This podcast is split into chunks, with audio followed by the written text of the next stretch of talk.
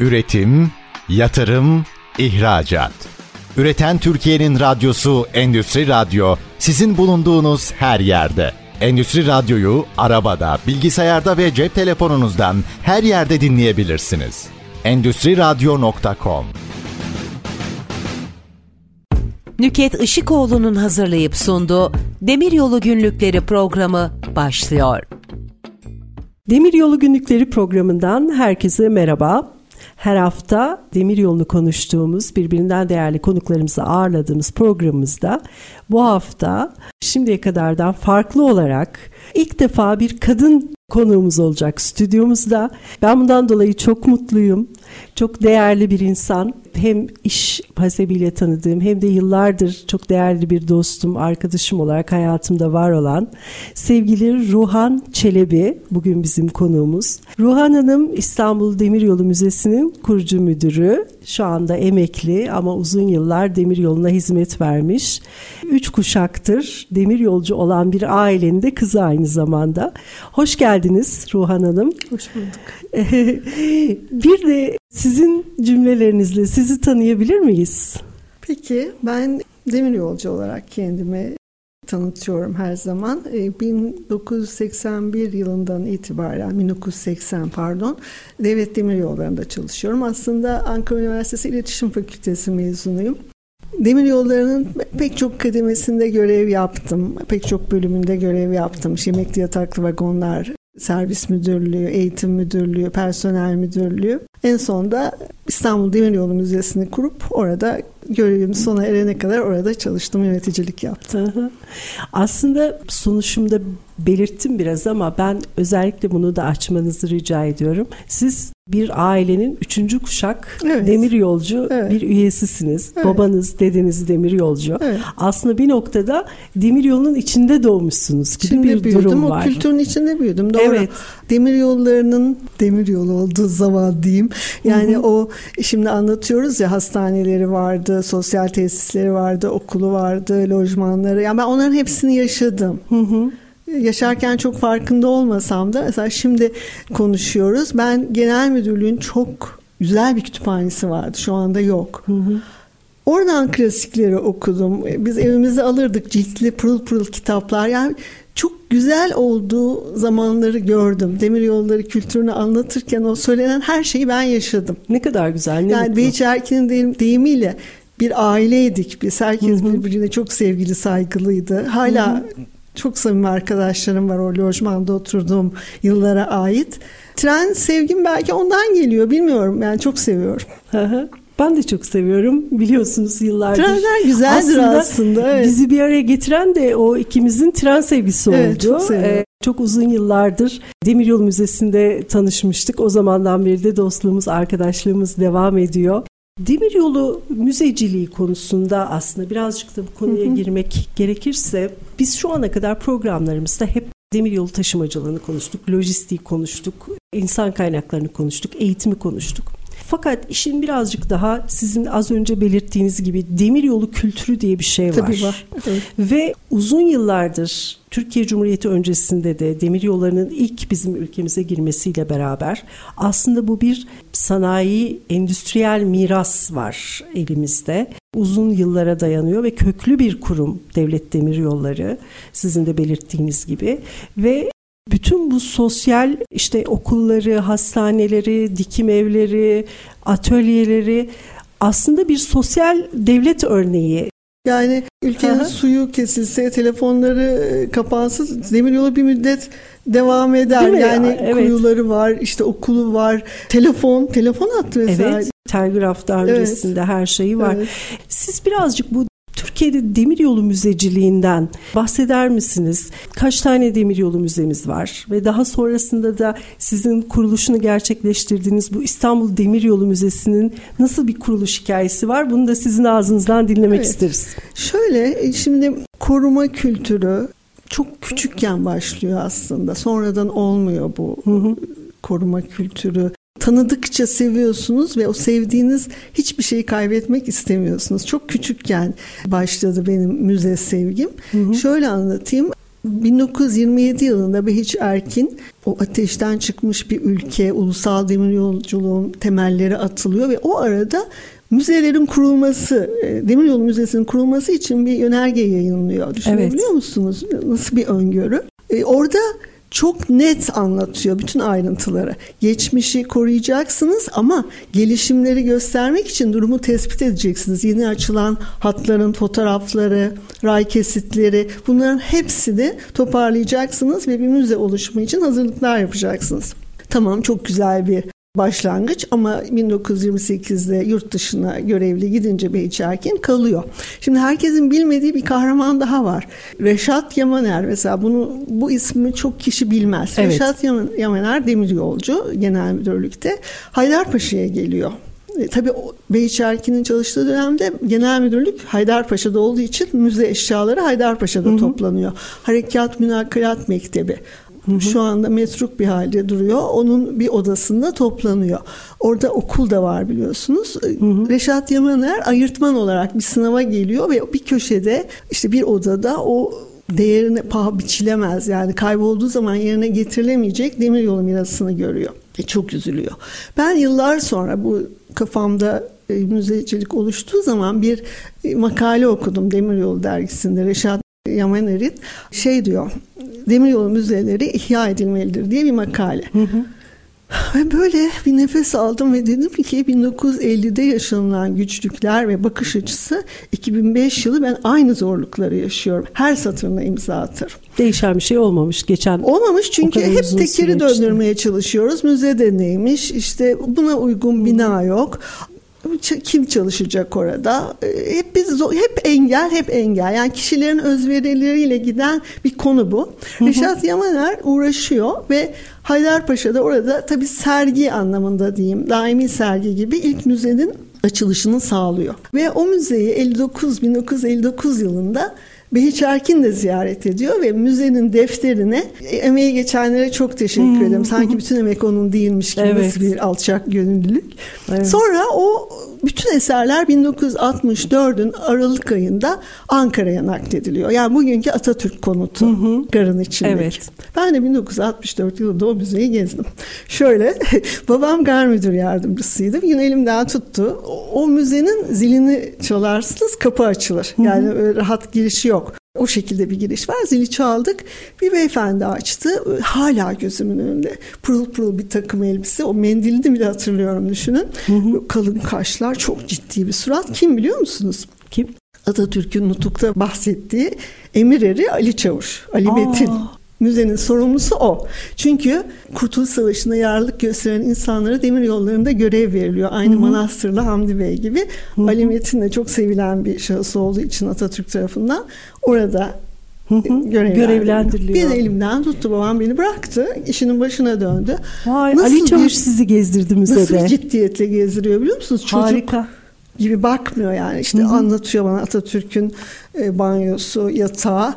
Hiç gözümden gitmeyen bir eşya vardır orada obje ışıklı bir döner pano içinde resimler var. Hı hı. Böyle altın şey yaldızlı kenarları çerçeveli çerçeveler onu mesela hiç unutamadım. O vardır ya çocuklukta evet, evet, fotoğraflar beyninizde. Bir de o Ali Çavuş'un ciddiyeti. Ben sonra hep kaçıp kaçıp gittim o müzeye. Beni her seferinde aynı ciddiyetle karşıladı ama ben de müzede öyle yaptım çocuklara.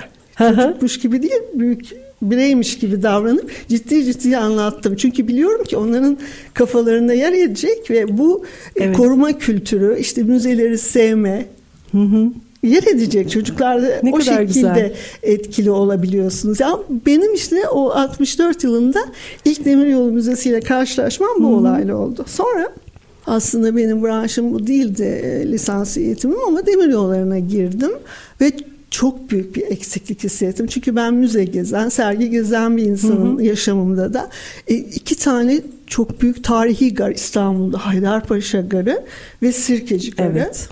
O anda pek değişiklik yoktu. Çok ihtiyaç hissedilmiyordu ama sonra yavaş yavaş baktım değişimler oluyor. Yani bütün odalar tarihi eşyalarla doluydu. Hı hı. Masalar, dolaplar falan tek tek gitmeye başladı. Yerine sulta o basit masalar hmm, geliyor. Evet. O Reşat Yamener şöyle diyordu. işte bir, bir süre sonra açarız müzeyi falan der yöneticiler ama o bir süre sonra bulamıyorsunuz. Arkanızı döndüğünüz anda o gözünüze kestirdiğiniz eşya yok oluyor. Onu fark hı hı. ettim. Belki depolarda kayboluyor. Belki atılıyor. Değiştiriliyor, atılıyor. Değiştiriliyor. Pek değer veya biri alıyor aslında. gidiyor. Yani. Kesinlikle öyle. Evet. Yani bu, bu eksiklik beni çok sıkmaya başladı. Hep söyledim yani niye müze yok? İşte aynı yanıtlar verildi bana. Tek yeri döndürmeye çalışıyoruz. Boş bina yok. Ama ben topluyordum. Yani Hı-hı. hatta böyle çöpçü falan diyorlardı bana. Nerede atılmış bir şey görürsem benim belki bilirsin Haydarpaşa'daki Biliyorum odam, bilmez miyim? Şey, Hatırlıyorum. Ardiye gibiydi evet.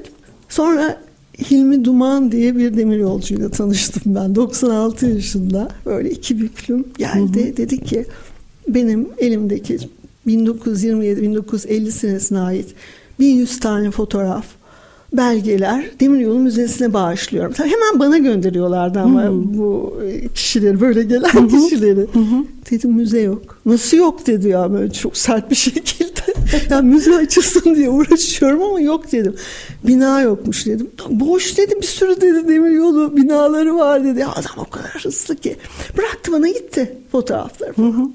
Sonra biz böyle bu müzecilik bizim yani Demiryolu Müzesi'nin kuruluşu bir kadın hareketi oldu biliyor musunuz? Ben İslam Ankara Müze Müdürü Servet Sarıaslan sanat tarihçidir ve çok gönülden çalışır.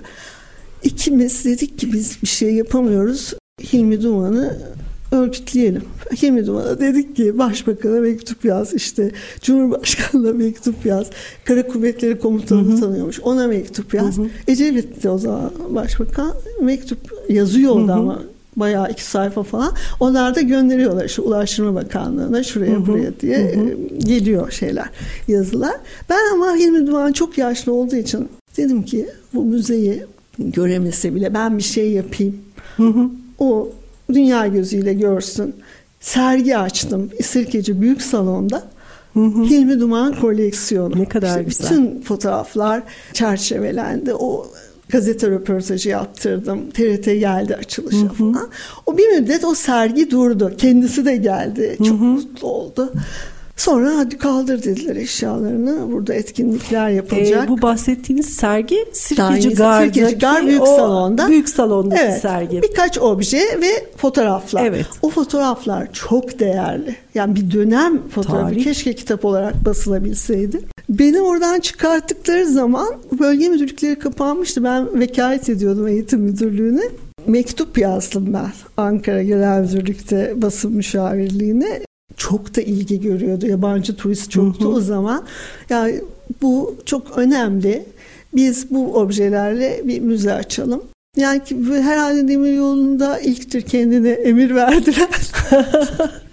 Durumdan vazife çıkarmak bu oluyor evet, tam olarak. O şekilde oldu. Evet. Hilmi Duman'ın da katkısı büyüktür. Çok uğraştım hakikaten. Hı hı. Yani çok kısa anlatıyorum. Arkeoloji Müzesi'ne bağladılar bizi. Oradaki e, müze müdürü Zeynep Hanım, e, Gülcan Hanım arkeolog çok yardımcı oldular. Çünkü ben şimdi müzelerin kurulma aşamasında bir takım kurallar var. Nedir onlar? İşte tuvaleti olacak, lokantası olacak, altında deposu olacak. Benim bulabildiğim o da 150 metrekarelik bir yer. O da kiracı çıktığı için orada turizm acentası vardı. Hı hı. Onlar çıktığı için oraya yerleştim. Eşyaları attım ben. Sirkeci Garı'nın içinde bir 150 sınıf bekleme salonu. Bir, üçüncü sınıf bekleme İlk salonu. tarihi ama sonra işte hı hı. E, Turizm Bakanlığı'nın kullandığı kira, kira ödemedikleri için çıkartılan bir oda. Şu anda Demiryolu evet. Müzesi olan evet, yer evet. Sirkeci Garı'nın içinde evet. bir oda. Evet. Çok güzel anlatıyorsunuz. Harika. Şimdi kısa bir reklam arası tamam. verelim. Sonra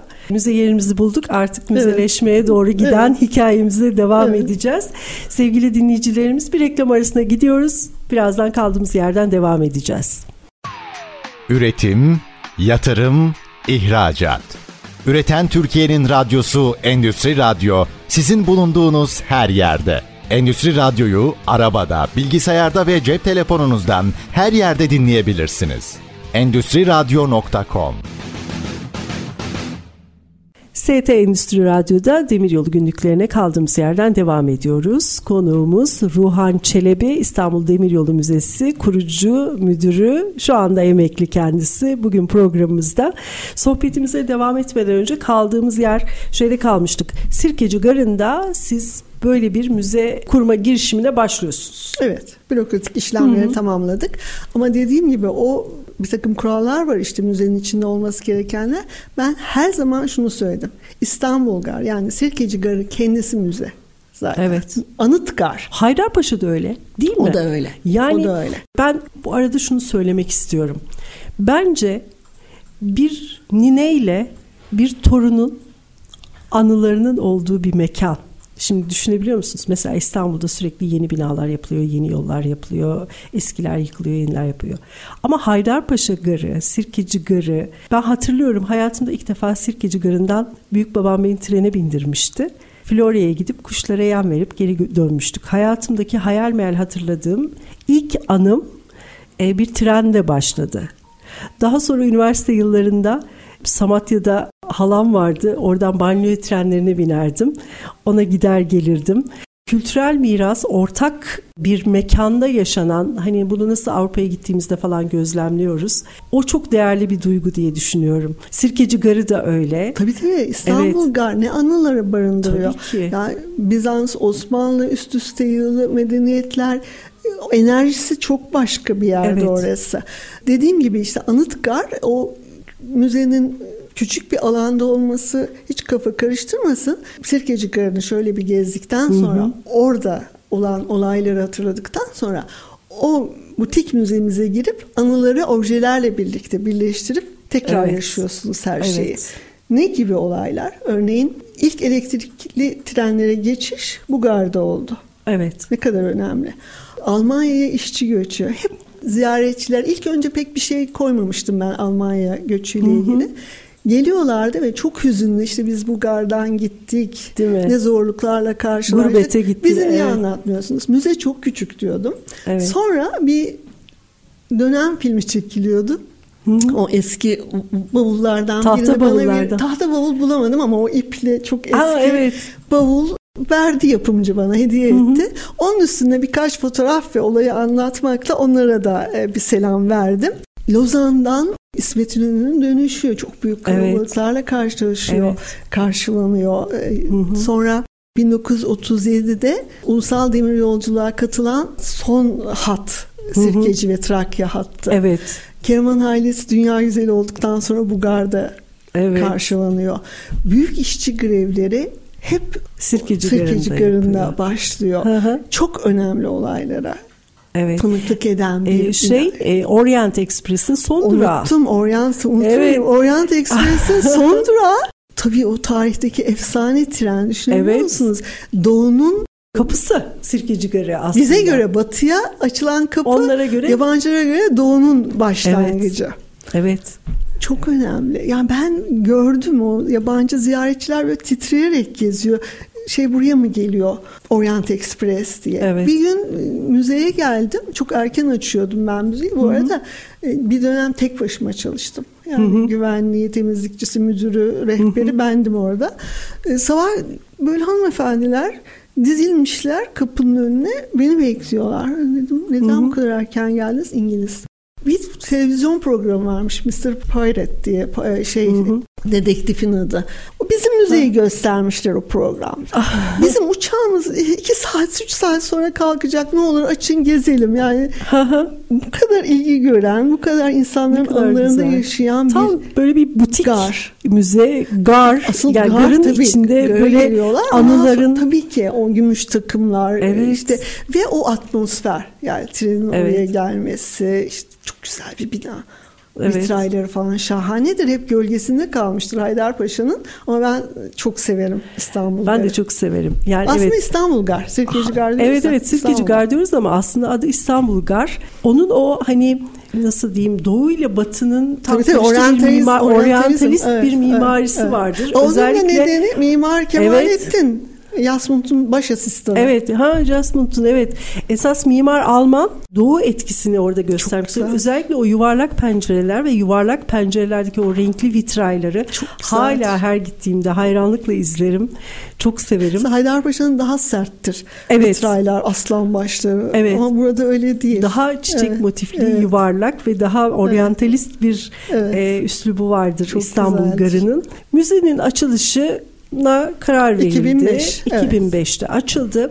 Peki bu müzedeki şimdi ilk başta eski bir demir yolcu beyefendi getirdi size kendi koleksiyonu sergisini verdi. Onlar herhalde müzede tabii, sonrasında fotoğraf albümü. Peki onun dışındaki siz bu Hı. müzedeki objeleri nasıl topladınız? Şimdi dediğim gibi biraz hurdalıklardan toparladım. biraz hurdalıklardan deyince ama böyle öyle, müze, tabii öyle. Evet. Yani suların içinde düşünebiliyor musunuz? 19. yüzyıl planlarını falan bulduk yani o Hı-hı. kadar değer veriliyor yani. Hı-hı. Peki bu Atatürk'ün imzaladığı hareket cetvellerine ah, evet. nasıl ulaştınız? Ya o onu kendi arşivimizde buldum. Ben çok şey buldum biliyor musunuz? Aslında yıllarca bir Alman mühendisin ajandasıyla yaşadım ben o zamanda.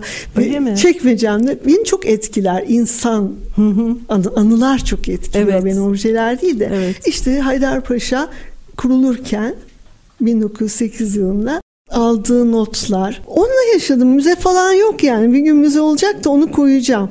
Evet. İşte o şey de öyle.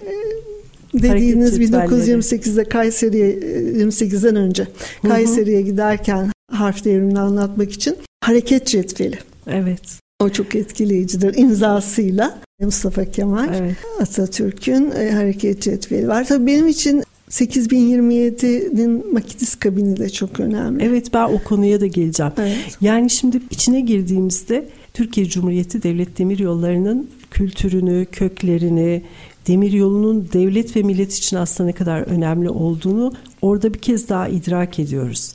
Ve sizi şeyi hatırlarım her zaman oradan geçerken siz orada görev sırasındayken de mutlaka trene binmeden önce veya işte orada şimdi Marmaray'ın girişi var biliyorsunuz. Sizin kapınızdan böyle bir açıp bir selam vermek duygusuyla hep gelirdim ve gıcırdayan ve açılan böyle bir kapıdan girerdim müzeye. Beni çok etkilerdi her zaman. Ben en çok İstanbul e, Demiryolu Müzesi'nden girdiğim zaman o kapıda bizi karşılayan ilk konularından bu elektrikli 8027 galiba elektrikli banyo treninin motris bölümü var. Onun siz alıp getirmiştiniz Hı-hı. müzeye. Ve çok enteresandır. Yani bilmiyorum o bana mı öyle geliyor, herkese mi öyle geliyor.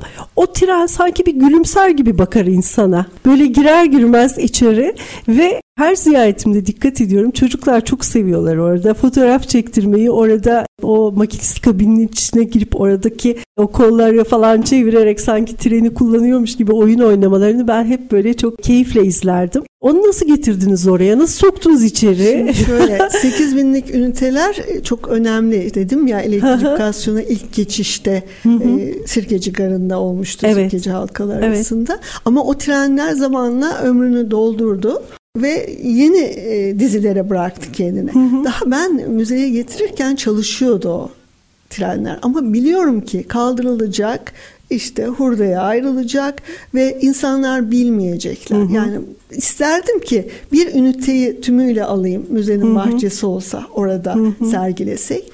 CER atölyesi, elektrikli tren lokomotiv atölyesine sürekli gittim ve bana dedim işte fren kısmını verin, farlarını verin ve ufak ufak istiyorum. Söyleniyorlar çünkü işleri de çok. Hı hı. Sonra dedim ki biraz kessek falan. Yok Hanım dediler ya olmaz. Trenden bir dilim. yani evet bir şekilde anlatmam lazım. Bütün plakaları aldım işte 8001, 8002 bıktılar benden. Çok samimi söylüyorum. Yani her gün gidip böyle vır vır konuşan bir kadın. Yani çok da tatlı insanlar ama işleri de çok. Sonra inandılar bana. Dedim ki bak sonra çok sevineceksiniz. Çünkü bu bizim bir dostumuz. Yok olacak bu trenler.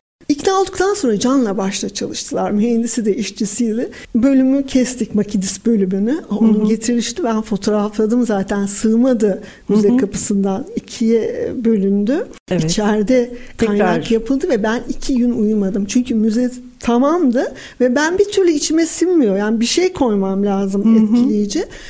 Ya bir şey olursa ya yangın çıkarsa yani Gözümü kırpmadım. Tuncay Bey vardı bölge müdürü bana çok destek Hı-hı. olan. Ben Hı-hı. çok güveniyorum Ruhan Hanım. Tamam istediğini yap demişti. Ve o, o treni koyduktan sonra rahat ettim ben. Yani bir farklılık olmalıydı. İçinden tren geçen müze diye tanıtıyordum evet, hatta. Evet eski haline getirdik ama o trenler sonra boyaları falan değişmişti. Biz orijinal haline getirdik. O ilk günkü boyası, içindeki aksesuarlar e, ve simgesi oldu bence.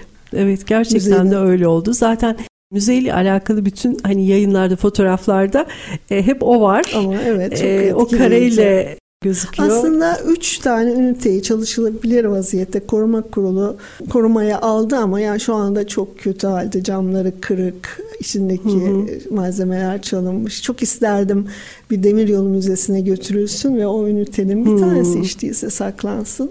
Maalesef Olmadı. tabii ama olsun gene siz hani e, bir tek onu, o kaldı evet, musunuz? Onu iyi ki o zaman evet. uğraşıp kurtarmışsınız. Evet. Mesela ben şey müzeyi girişimde defalarca gezdim biliyorsunuz. Her seferinde çok hayranlıkla çünkü ben böyle mekanların yani özellikle böyle küçük küçük bir sürü objelerin veya küçüklü büyüklü bir kere de bakıp geçemiyorsunuz. Çünkü hepsinin ayrı hikayesi Tabii. var, detayları var. Her seferinde Tabii. bir şeylere daha çok konsantre olup daha çok incelediğimi hatırlıyorum ama özellikle bu müzenin girişinde atamızın bir tren penceresindeki fotoğrafı hmm. var. O hani meşhur fotoğrafı ve altında da Cahit Külebi'nin binip trene gezen de biz seni hatırlarız mısrası vardır ki o mısra beni çok etkiler. Her şeyi de açıklar. Her şeyi de açıklar evet. ve gerçekten de öyledir. Binip trene gezen de biz seni hatırlarız mısrası bende de çok karşılığını evet. bulan bir cümle. Atatürk'ün demiryollarına verdiği önemi hepimiz biliyoruz. O sırada Türkiye'nin her yerinde benimsenmiş, demiryolu adeta bir seferberlik ruhuyla döşenmiş. E, sanıyorum müzede daha ziyade böyle İstanbul'da olmasından sebep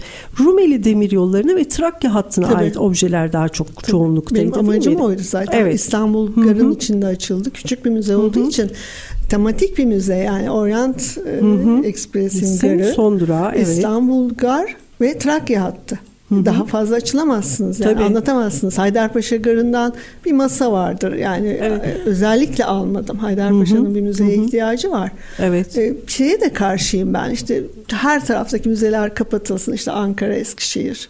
İzmir, hı hı. İstanbul tek bir müze olsun. Hayır taş yerinde ağırdır. Orient evet. Ekspresi başka bir yerde anlatamazsın. Aynen öyle. İstanbul bir de daha çok kişiye ulaşması bakımından yani hani tek bir merkezde baş mesela misal örnek Ankara'da yapıldığında e, bir Ankara'da Demiryolu Müzesi olacak. Ama buradaki objeler zaten lokal objeler. Tabii. Yani oradaki tarihin kalıntıları, delilleri.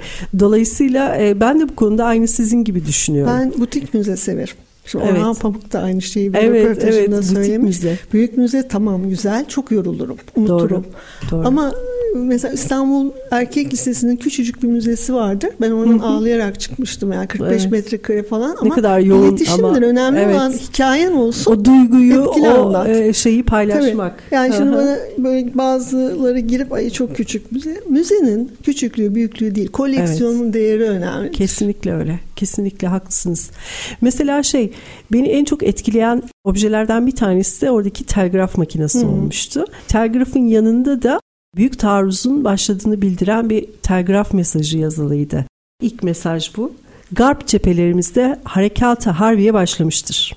İş bu dakikada bütün millet şimendiferlerimizi ve fedakar şimendifercilerimizi Allah'tan sonra yegane muiniz zaferi tanımaktadır. Yani zafere yardımcı Tabii. Allah'tan sonra demir yolcular, Tabii. şimendiferciler diyor. Yani Kurtuluş Savaşı'nın Tabii, kazanılmasında demir yolcularımızın göstermiş çok olduğu işte, başarıyı da burada saygıyla anmak istiyorum. Garlardaki çanlar sustuğu zaman işgal altında. Çanlar tekrar çalınca kurtarıldı. Ee, örneğin İnönü istasyonu. Benim e, garlar çok hüzünlendirir. Kapalı garlar, camları böyle örülür ya tuğlalarla falan. İnönü istasyonları mesela kapalı. Evet. Evet. Kurtuluş Savaşı'nın en önemli e, muharebeleri orada geçti. Doğru. Yani bu nasıl diyeyim size tarihi olayları yok saymak, endüstriyel ve e, kültürel mirası yok etmek çok acımasızca geliyor bana. Gelişirken e, aslında eskiyi de korumak önemli. Hı hı. Evet, şimdi tekrar bir kısa reklam arasına gideceğim. Daha sonra kaldığımız yerden keyifli sohbetimize devam edeceğiz. Üretim, yatırım, ihracat. Üreten Türkiye'nin radyosu Endüstri Radyo sizin bulunduğunuz her yerde. Endüstri Radyo'yu arabada, bilgisayarda ve cep telefonunuzdan her yerde dinleyebilirsiniz. Endüstri Radyo.com ST Endüstri Radyo'da Demiryolu Günlükleri programımıza Ruhan Çelebi ile devam ediyoruz. İstanbul Demiryolu Müzesi'nin kurucu müdürü Ruhan Hanım. Ruhan Hanım aslında çok keyifli, çok güzel bir sohbet. Konuşacağımız birçok detay var ama maalesef süremiz kısıtlı olduğu evet. için aslında ben birazcık da müzedeki objelerin içeriğinden de bahsetmek istiyorum. Mesela az önce bahsettik Atatürk'ün imzaladığı hareket cetvelleri var. İşte Orient Express'in son seferinde yolcularına verdiği gümüş hatıra madalyonu var müzede. O da Celil Ender'in bağışıdır. Evet, rahmetli analım. Evet, rahmetli analım. Orient Express'in gümüş çatal bıçak takımları gene müzedeki objeler arasında. Demir yolcuların kullandığı eşyalar, aydınlatma araçları, loko imalat plakaları, e, bilet dolapları, daktilolar, hesap makineleri, istasyon çanları, bekleme salonlarını ısıtan çinili sobalar, Yedi Kulecer Atölyesi'nin Fransız yapımı cam kiremitlerinden bile parçalar var müzede. Benim özellikle bu kol saatini andıran kestane fişekleri o zaman çok ilgimi çekmişti. Mesela uyarı levhaları da bana o zaman çok enteresan gelmişti. Çünkü mesela örnek vermek gerekirse tütün içmek memnudur yazıyordu bir levhada. Bir diğerinde kibritleri dışarı atmak memnudur. E, o memnudurun anlamını Memnu. da anlata anlata evet. ziyaretçilere evet. memnunluk verici mi? Hayır yasaktır. Aşk memnu Aşk diyordum. Memnu, yasak. Yasak hemşerim. Aslında Türkçesi.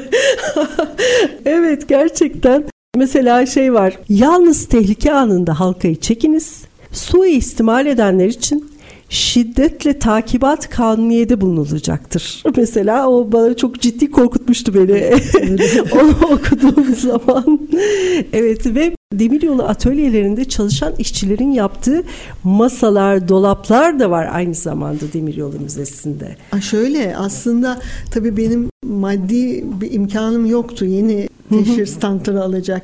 Oradaki her şey demiryolu işçilerinin yaptığı ve zamanında kullanılmış işte dolaplar, masalar, çizim masaları ben onların hepsini teşhir ne kadar stand yaptınız. Evet. Tabii tabii öyledir. yani her şey teşhir masası bile tarihi aslında. yani hani onun için zaten bir parçası. havası çok değişik. Kesinlikle böyle. öyle. Gerçekten. Bir de ben Özellikle şunu da belirtmek istiyorum. Müzeyi kurdunuz. Peki son dönemde nasıl değişiklikler oldu? Bu yani çok, çok güzel evet. gelişmeler oldu aslında. İstanbul Demiryolu Müzesi sınırı olmayan müzeler içindedir. Hı hı. Sınırları olmayan evet, müze. Evet öyle bir müzecilik evet, anlayışı kavram var. var. Evet. evet. Erişilebilir müze oldu. Biz hı hı. bir Avrupa Birliği Erasmus projesine girdik Türkiye'den Medeniyet Üniversitesi ile işte Budapeşte, Romanya, Yunanistan ve Balkan müzelerinin bir arada hı hı. olduğu bir proje hı hı. ve erişilebilir müze olma yolunda çok önemli adımlar atıldı. Şöyle ki Uluslararası Müzeler Konseyi'nin müzecilik tanımı artık değişti. O somut ve somut olmayan olayları korumak, sergilemek, hı hı.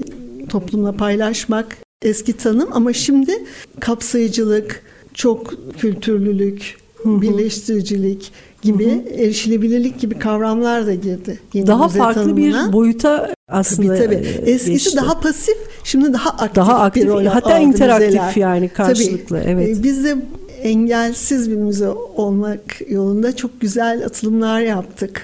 Workshoplar yaptık hı hı. müzede. Şey var, sesli rehber kurduk. Hem hı hı. sesli betimleme hı hı. var içinde görmeyen ziyaretçilerimiz için. Ne kadar teknik gelişme olursa olsun müzede çalışan kişilerin eğitimi çok önemlidir. Kesinlikle. Uzmanlaşması çok önemlidir. Demir yolları gibi çok önemli bir kültürel, endüstriyel mirasın içinde olan bir kurumun artık müzelerinde müze uzmanı almak zorunluluğu vardır. Yani bu kişisel Kesinlikle. sevgi, fedakarlıkla bir yere kadar gelebilir Müzecilik ama bir noktadan sonra aynen bir uzmanlık alanı bu. Yani yan yana eşyaları koyup orada oturmak değil müzecinin yaptığı. Tabii. Bunu tanıtacak, ziyaretçi çekecek, envanteri çoğaltacak, yeni bağışlar alacak. Bunların hepsi hepsi uzmanlık kesinlikle konusudur. Evet. Ve ben ayrılırken de ısrarla söyledim. Hı hı. Artık müze uzmanlarına yer verin. Hı hı. Demiryolu müzelerinde evet. diye. O biraz canımı sıkıyor, üzüyor. Çünkü şu anda İstanbul Demiryolu Müzesi'nde de hiçbir çalışma yok. Aynı envanter kaldı. Hı hı. Hiçbir çocuklarla ilgili etkinlik yok. Hı hı. Çok çok geliştirilebilir. Doğru. Çok şey Profesyonel şey bir dokunuş dediğiniz gibi lazım. Yani Çünkü orada çok değerli parçalar var. olacaksınız. Demir yolunu seveceksiniz ama müzecilik uzmanlık dalıdır. Yani kesinlikle. Ayrı kesinlikle. bir olay. Haklısınız. Mesela ben şeyi de hatırlıyorum. Müzenin ziyaretçi defterine ben de yazmıştım ama tabii yazarken insan gayri ihtiyari önceki sayfaları da çeviriyor Hı-hı. bakın. Daha önce gelenler ne yazmış? İşte e, İngilizce yazılar, Fransızca var, Almanca var, çocukların yazdıkları var, gençlerin yazdıkları var. Orada ben çok duygusal satırlar okuduğumu hatırlıyorum. Yani trenin aslında toplumumuzda ne kadar sevildiğini, bir kanıtı o hatıra defteri.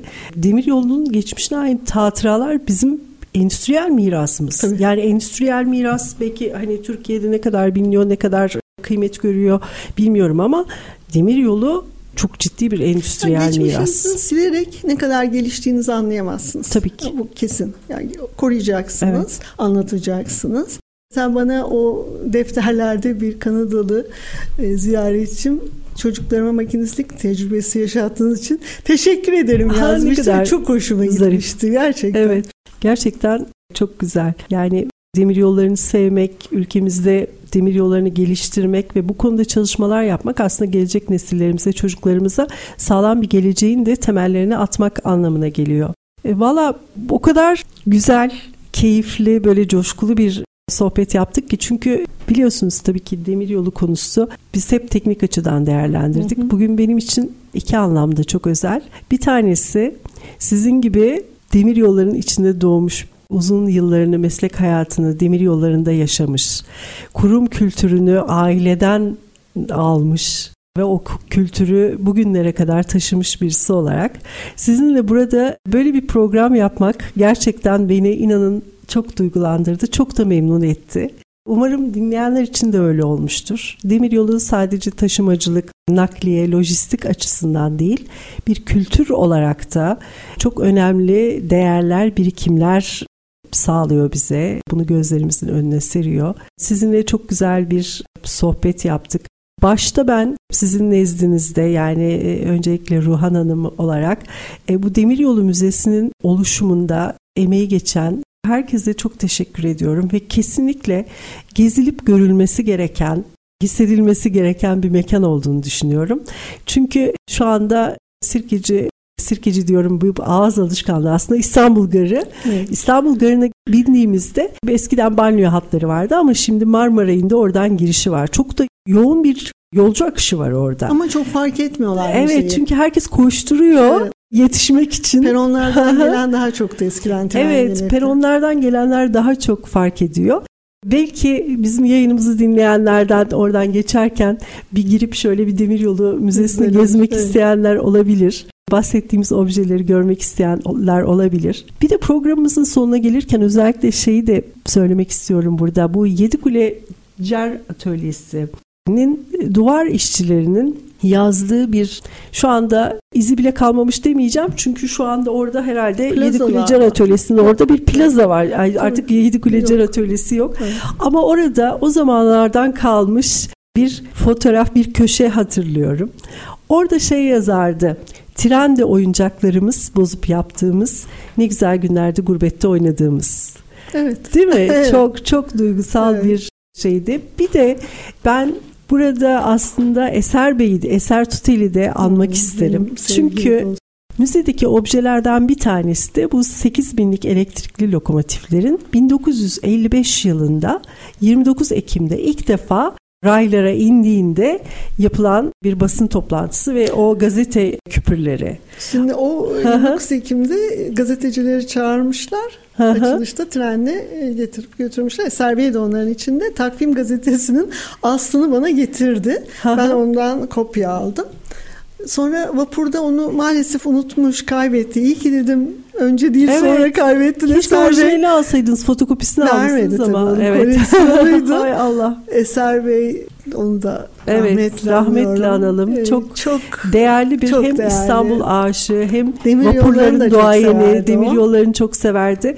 Dünya Gazetesi'nde yıllarca Perşembe rotasında şehir hatları vapurları ile ilgili çok güzel yazılar Trenleri yazmıştı. De yazdı ama. Trenleri evet, de sonrasında yazdı. trenleri de yazdı. Ben ilk başta deniz yani hep de, deniz Vapurların yoluyla vapurların o, o şehir hatları evet. vapurlarının hikayelerini yazardı. Evet. Daha sonrasında işte demiryolu yazılarına rastladım ve o müzeye bağışladığı objeler gerçekten o gazete küpürleri belgeleriydi o günlerin.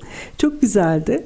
Sizin peki son yani programımızın sonunda kapatırken programımızı aslında ben sizi son sözü size bırakmak istiyorum. Çok güzel bir çalışma yaptınız. O bütün çocukluğunuzdan itibaren, müze sevginizin başlamasından itibaren şu ana kadar olan süreçte bir hayalinizi gerçek yaptınız aslında. Evet, doğru, evet. Hayalim. Yani e, bu açıdan baktığımızda bir hayali artık somut bir hale getirdiniz. Siz emekli olsanız da Demiryolu Müzesi orada olacak. O objeler orada olacak. Ziyaretçiler onları görecek.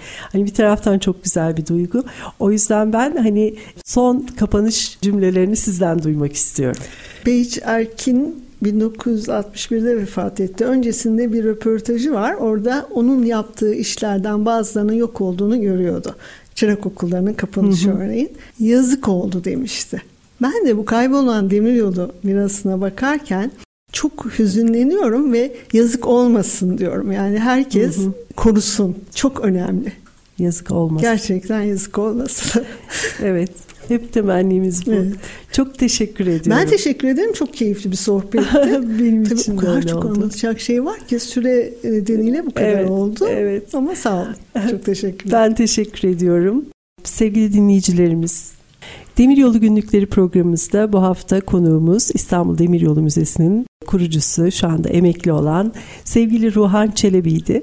Çok güzel, keyifli bir sohbet yaptık. Kendisine çok teşekkür ediyorum.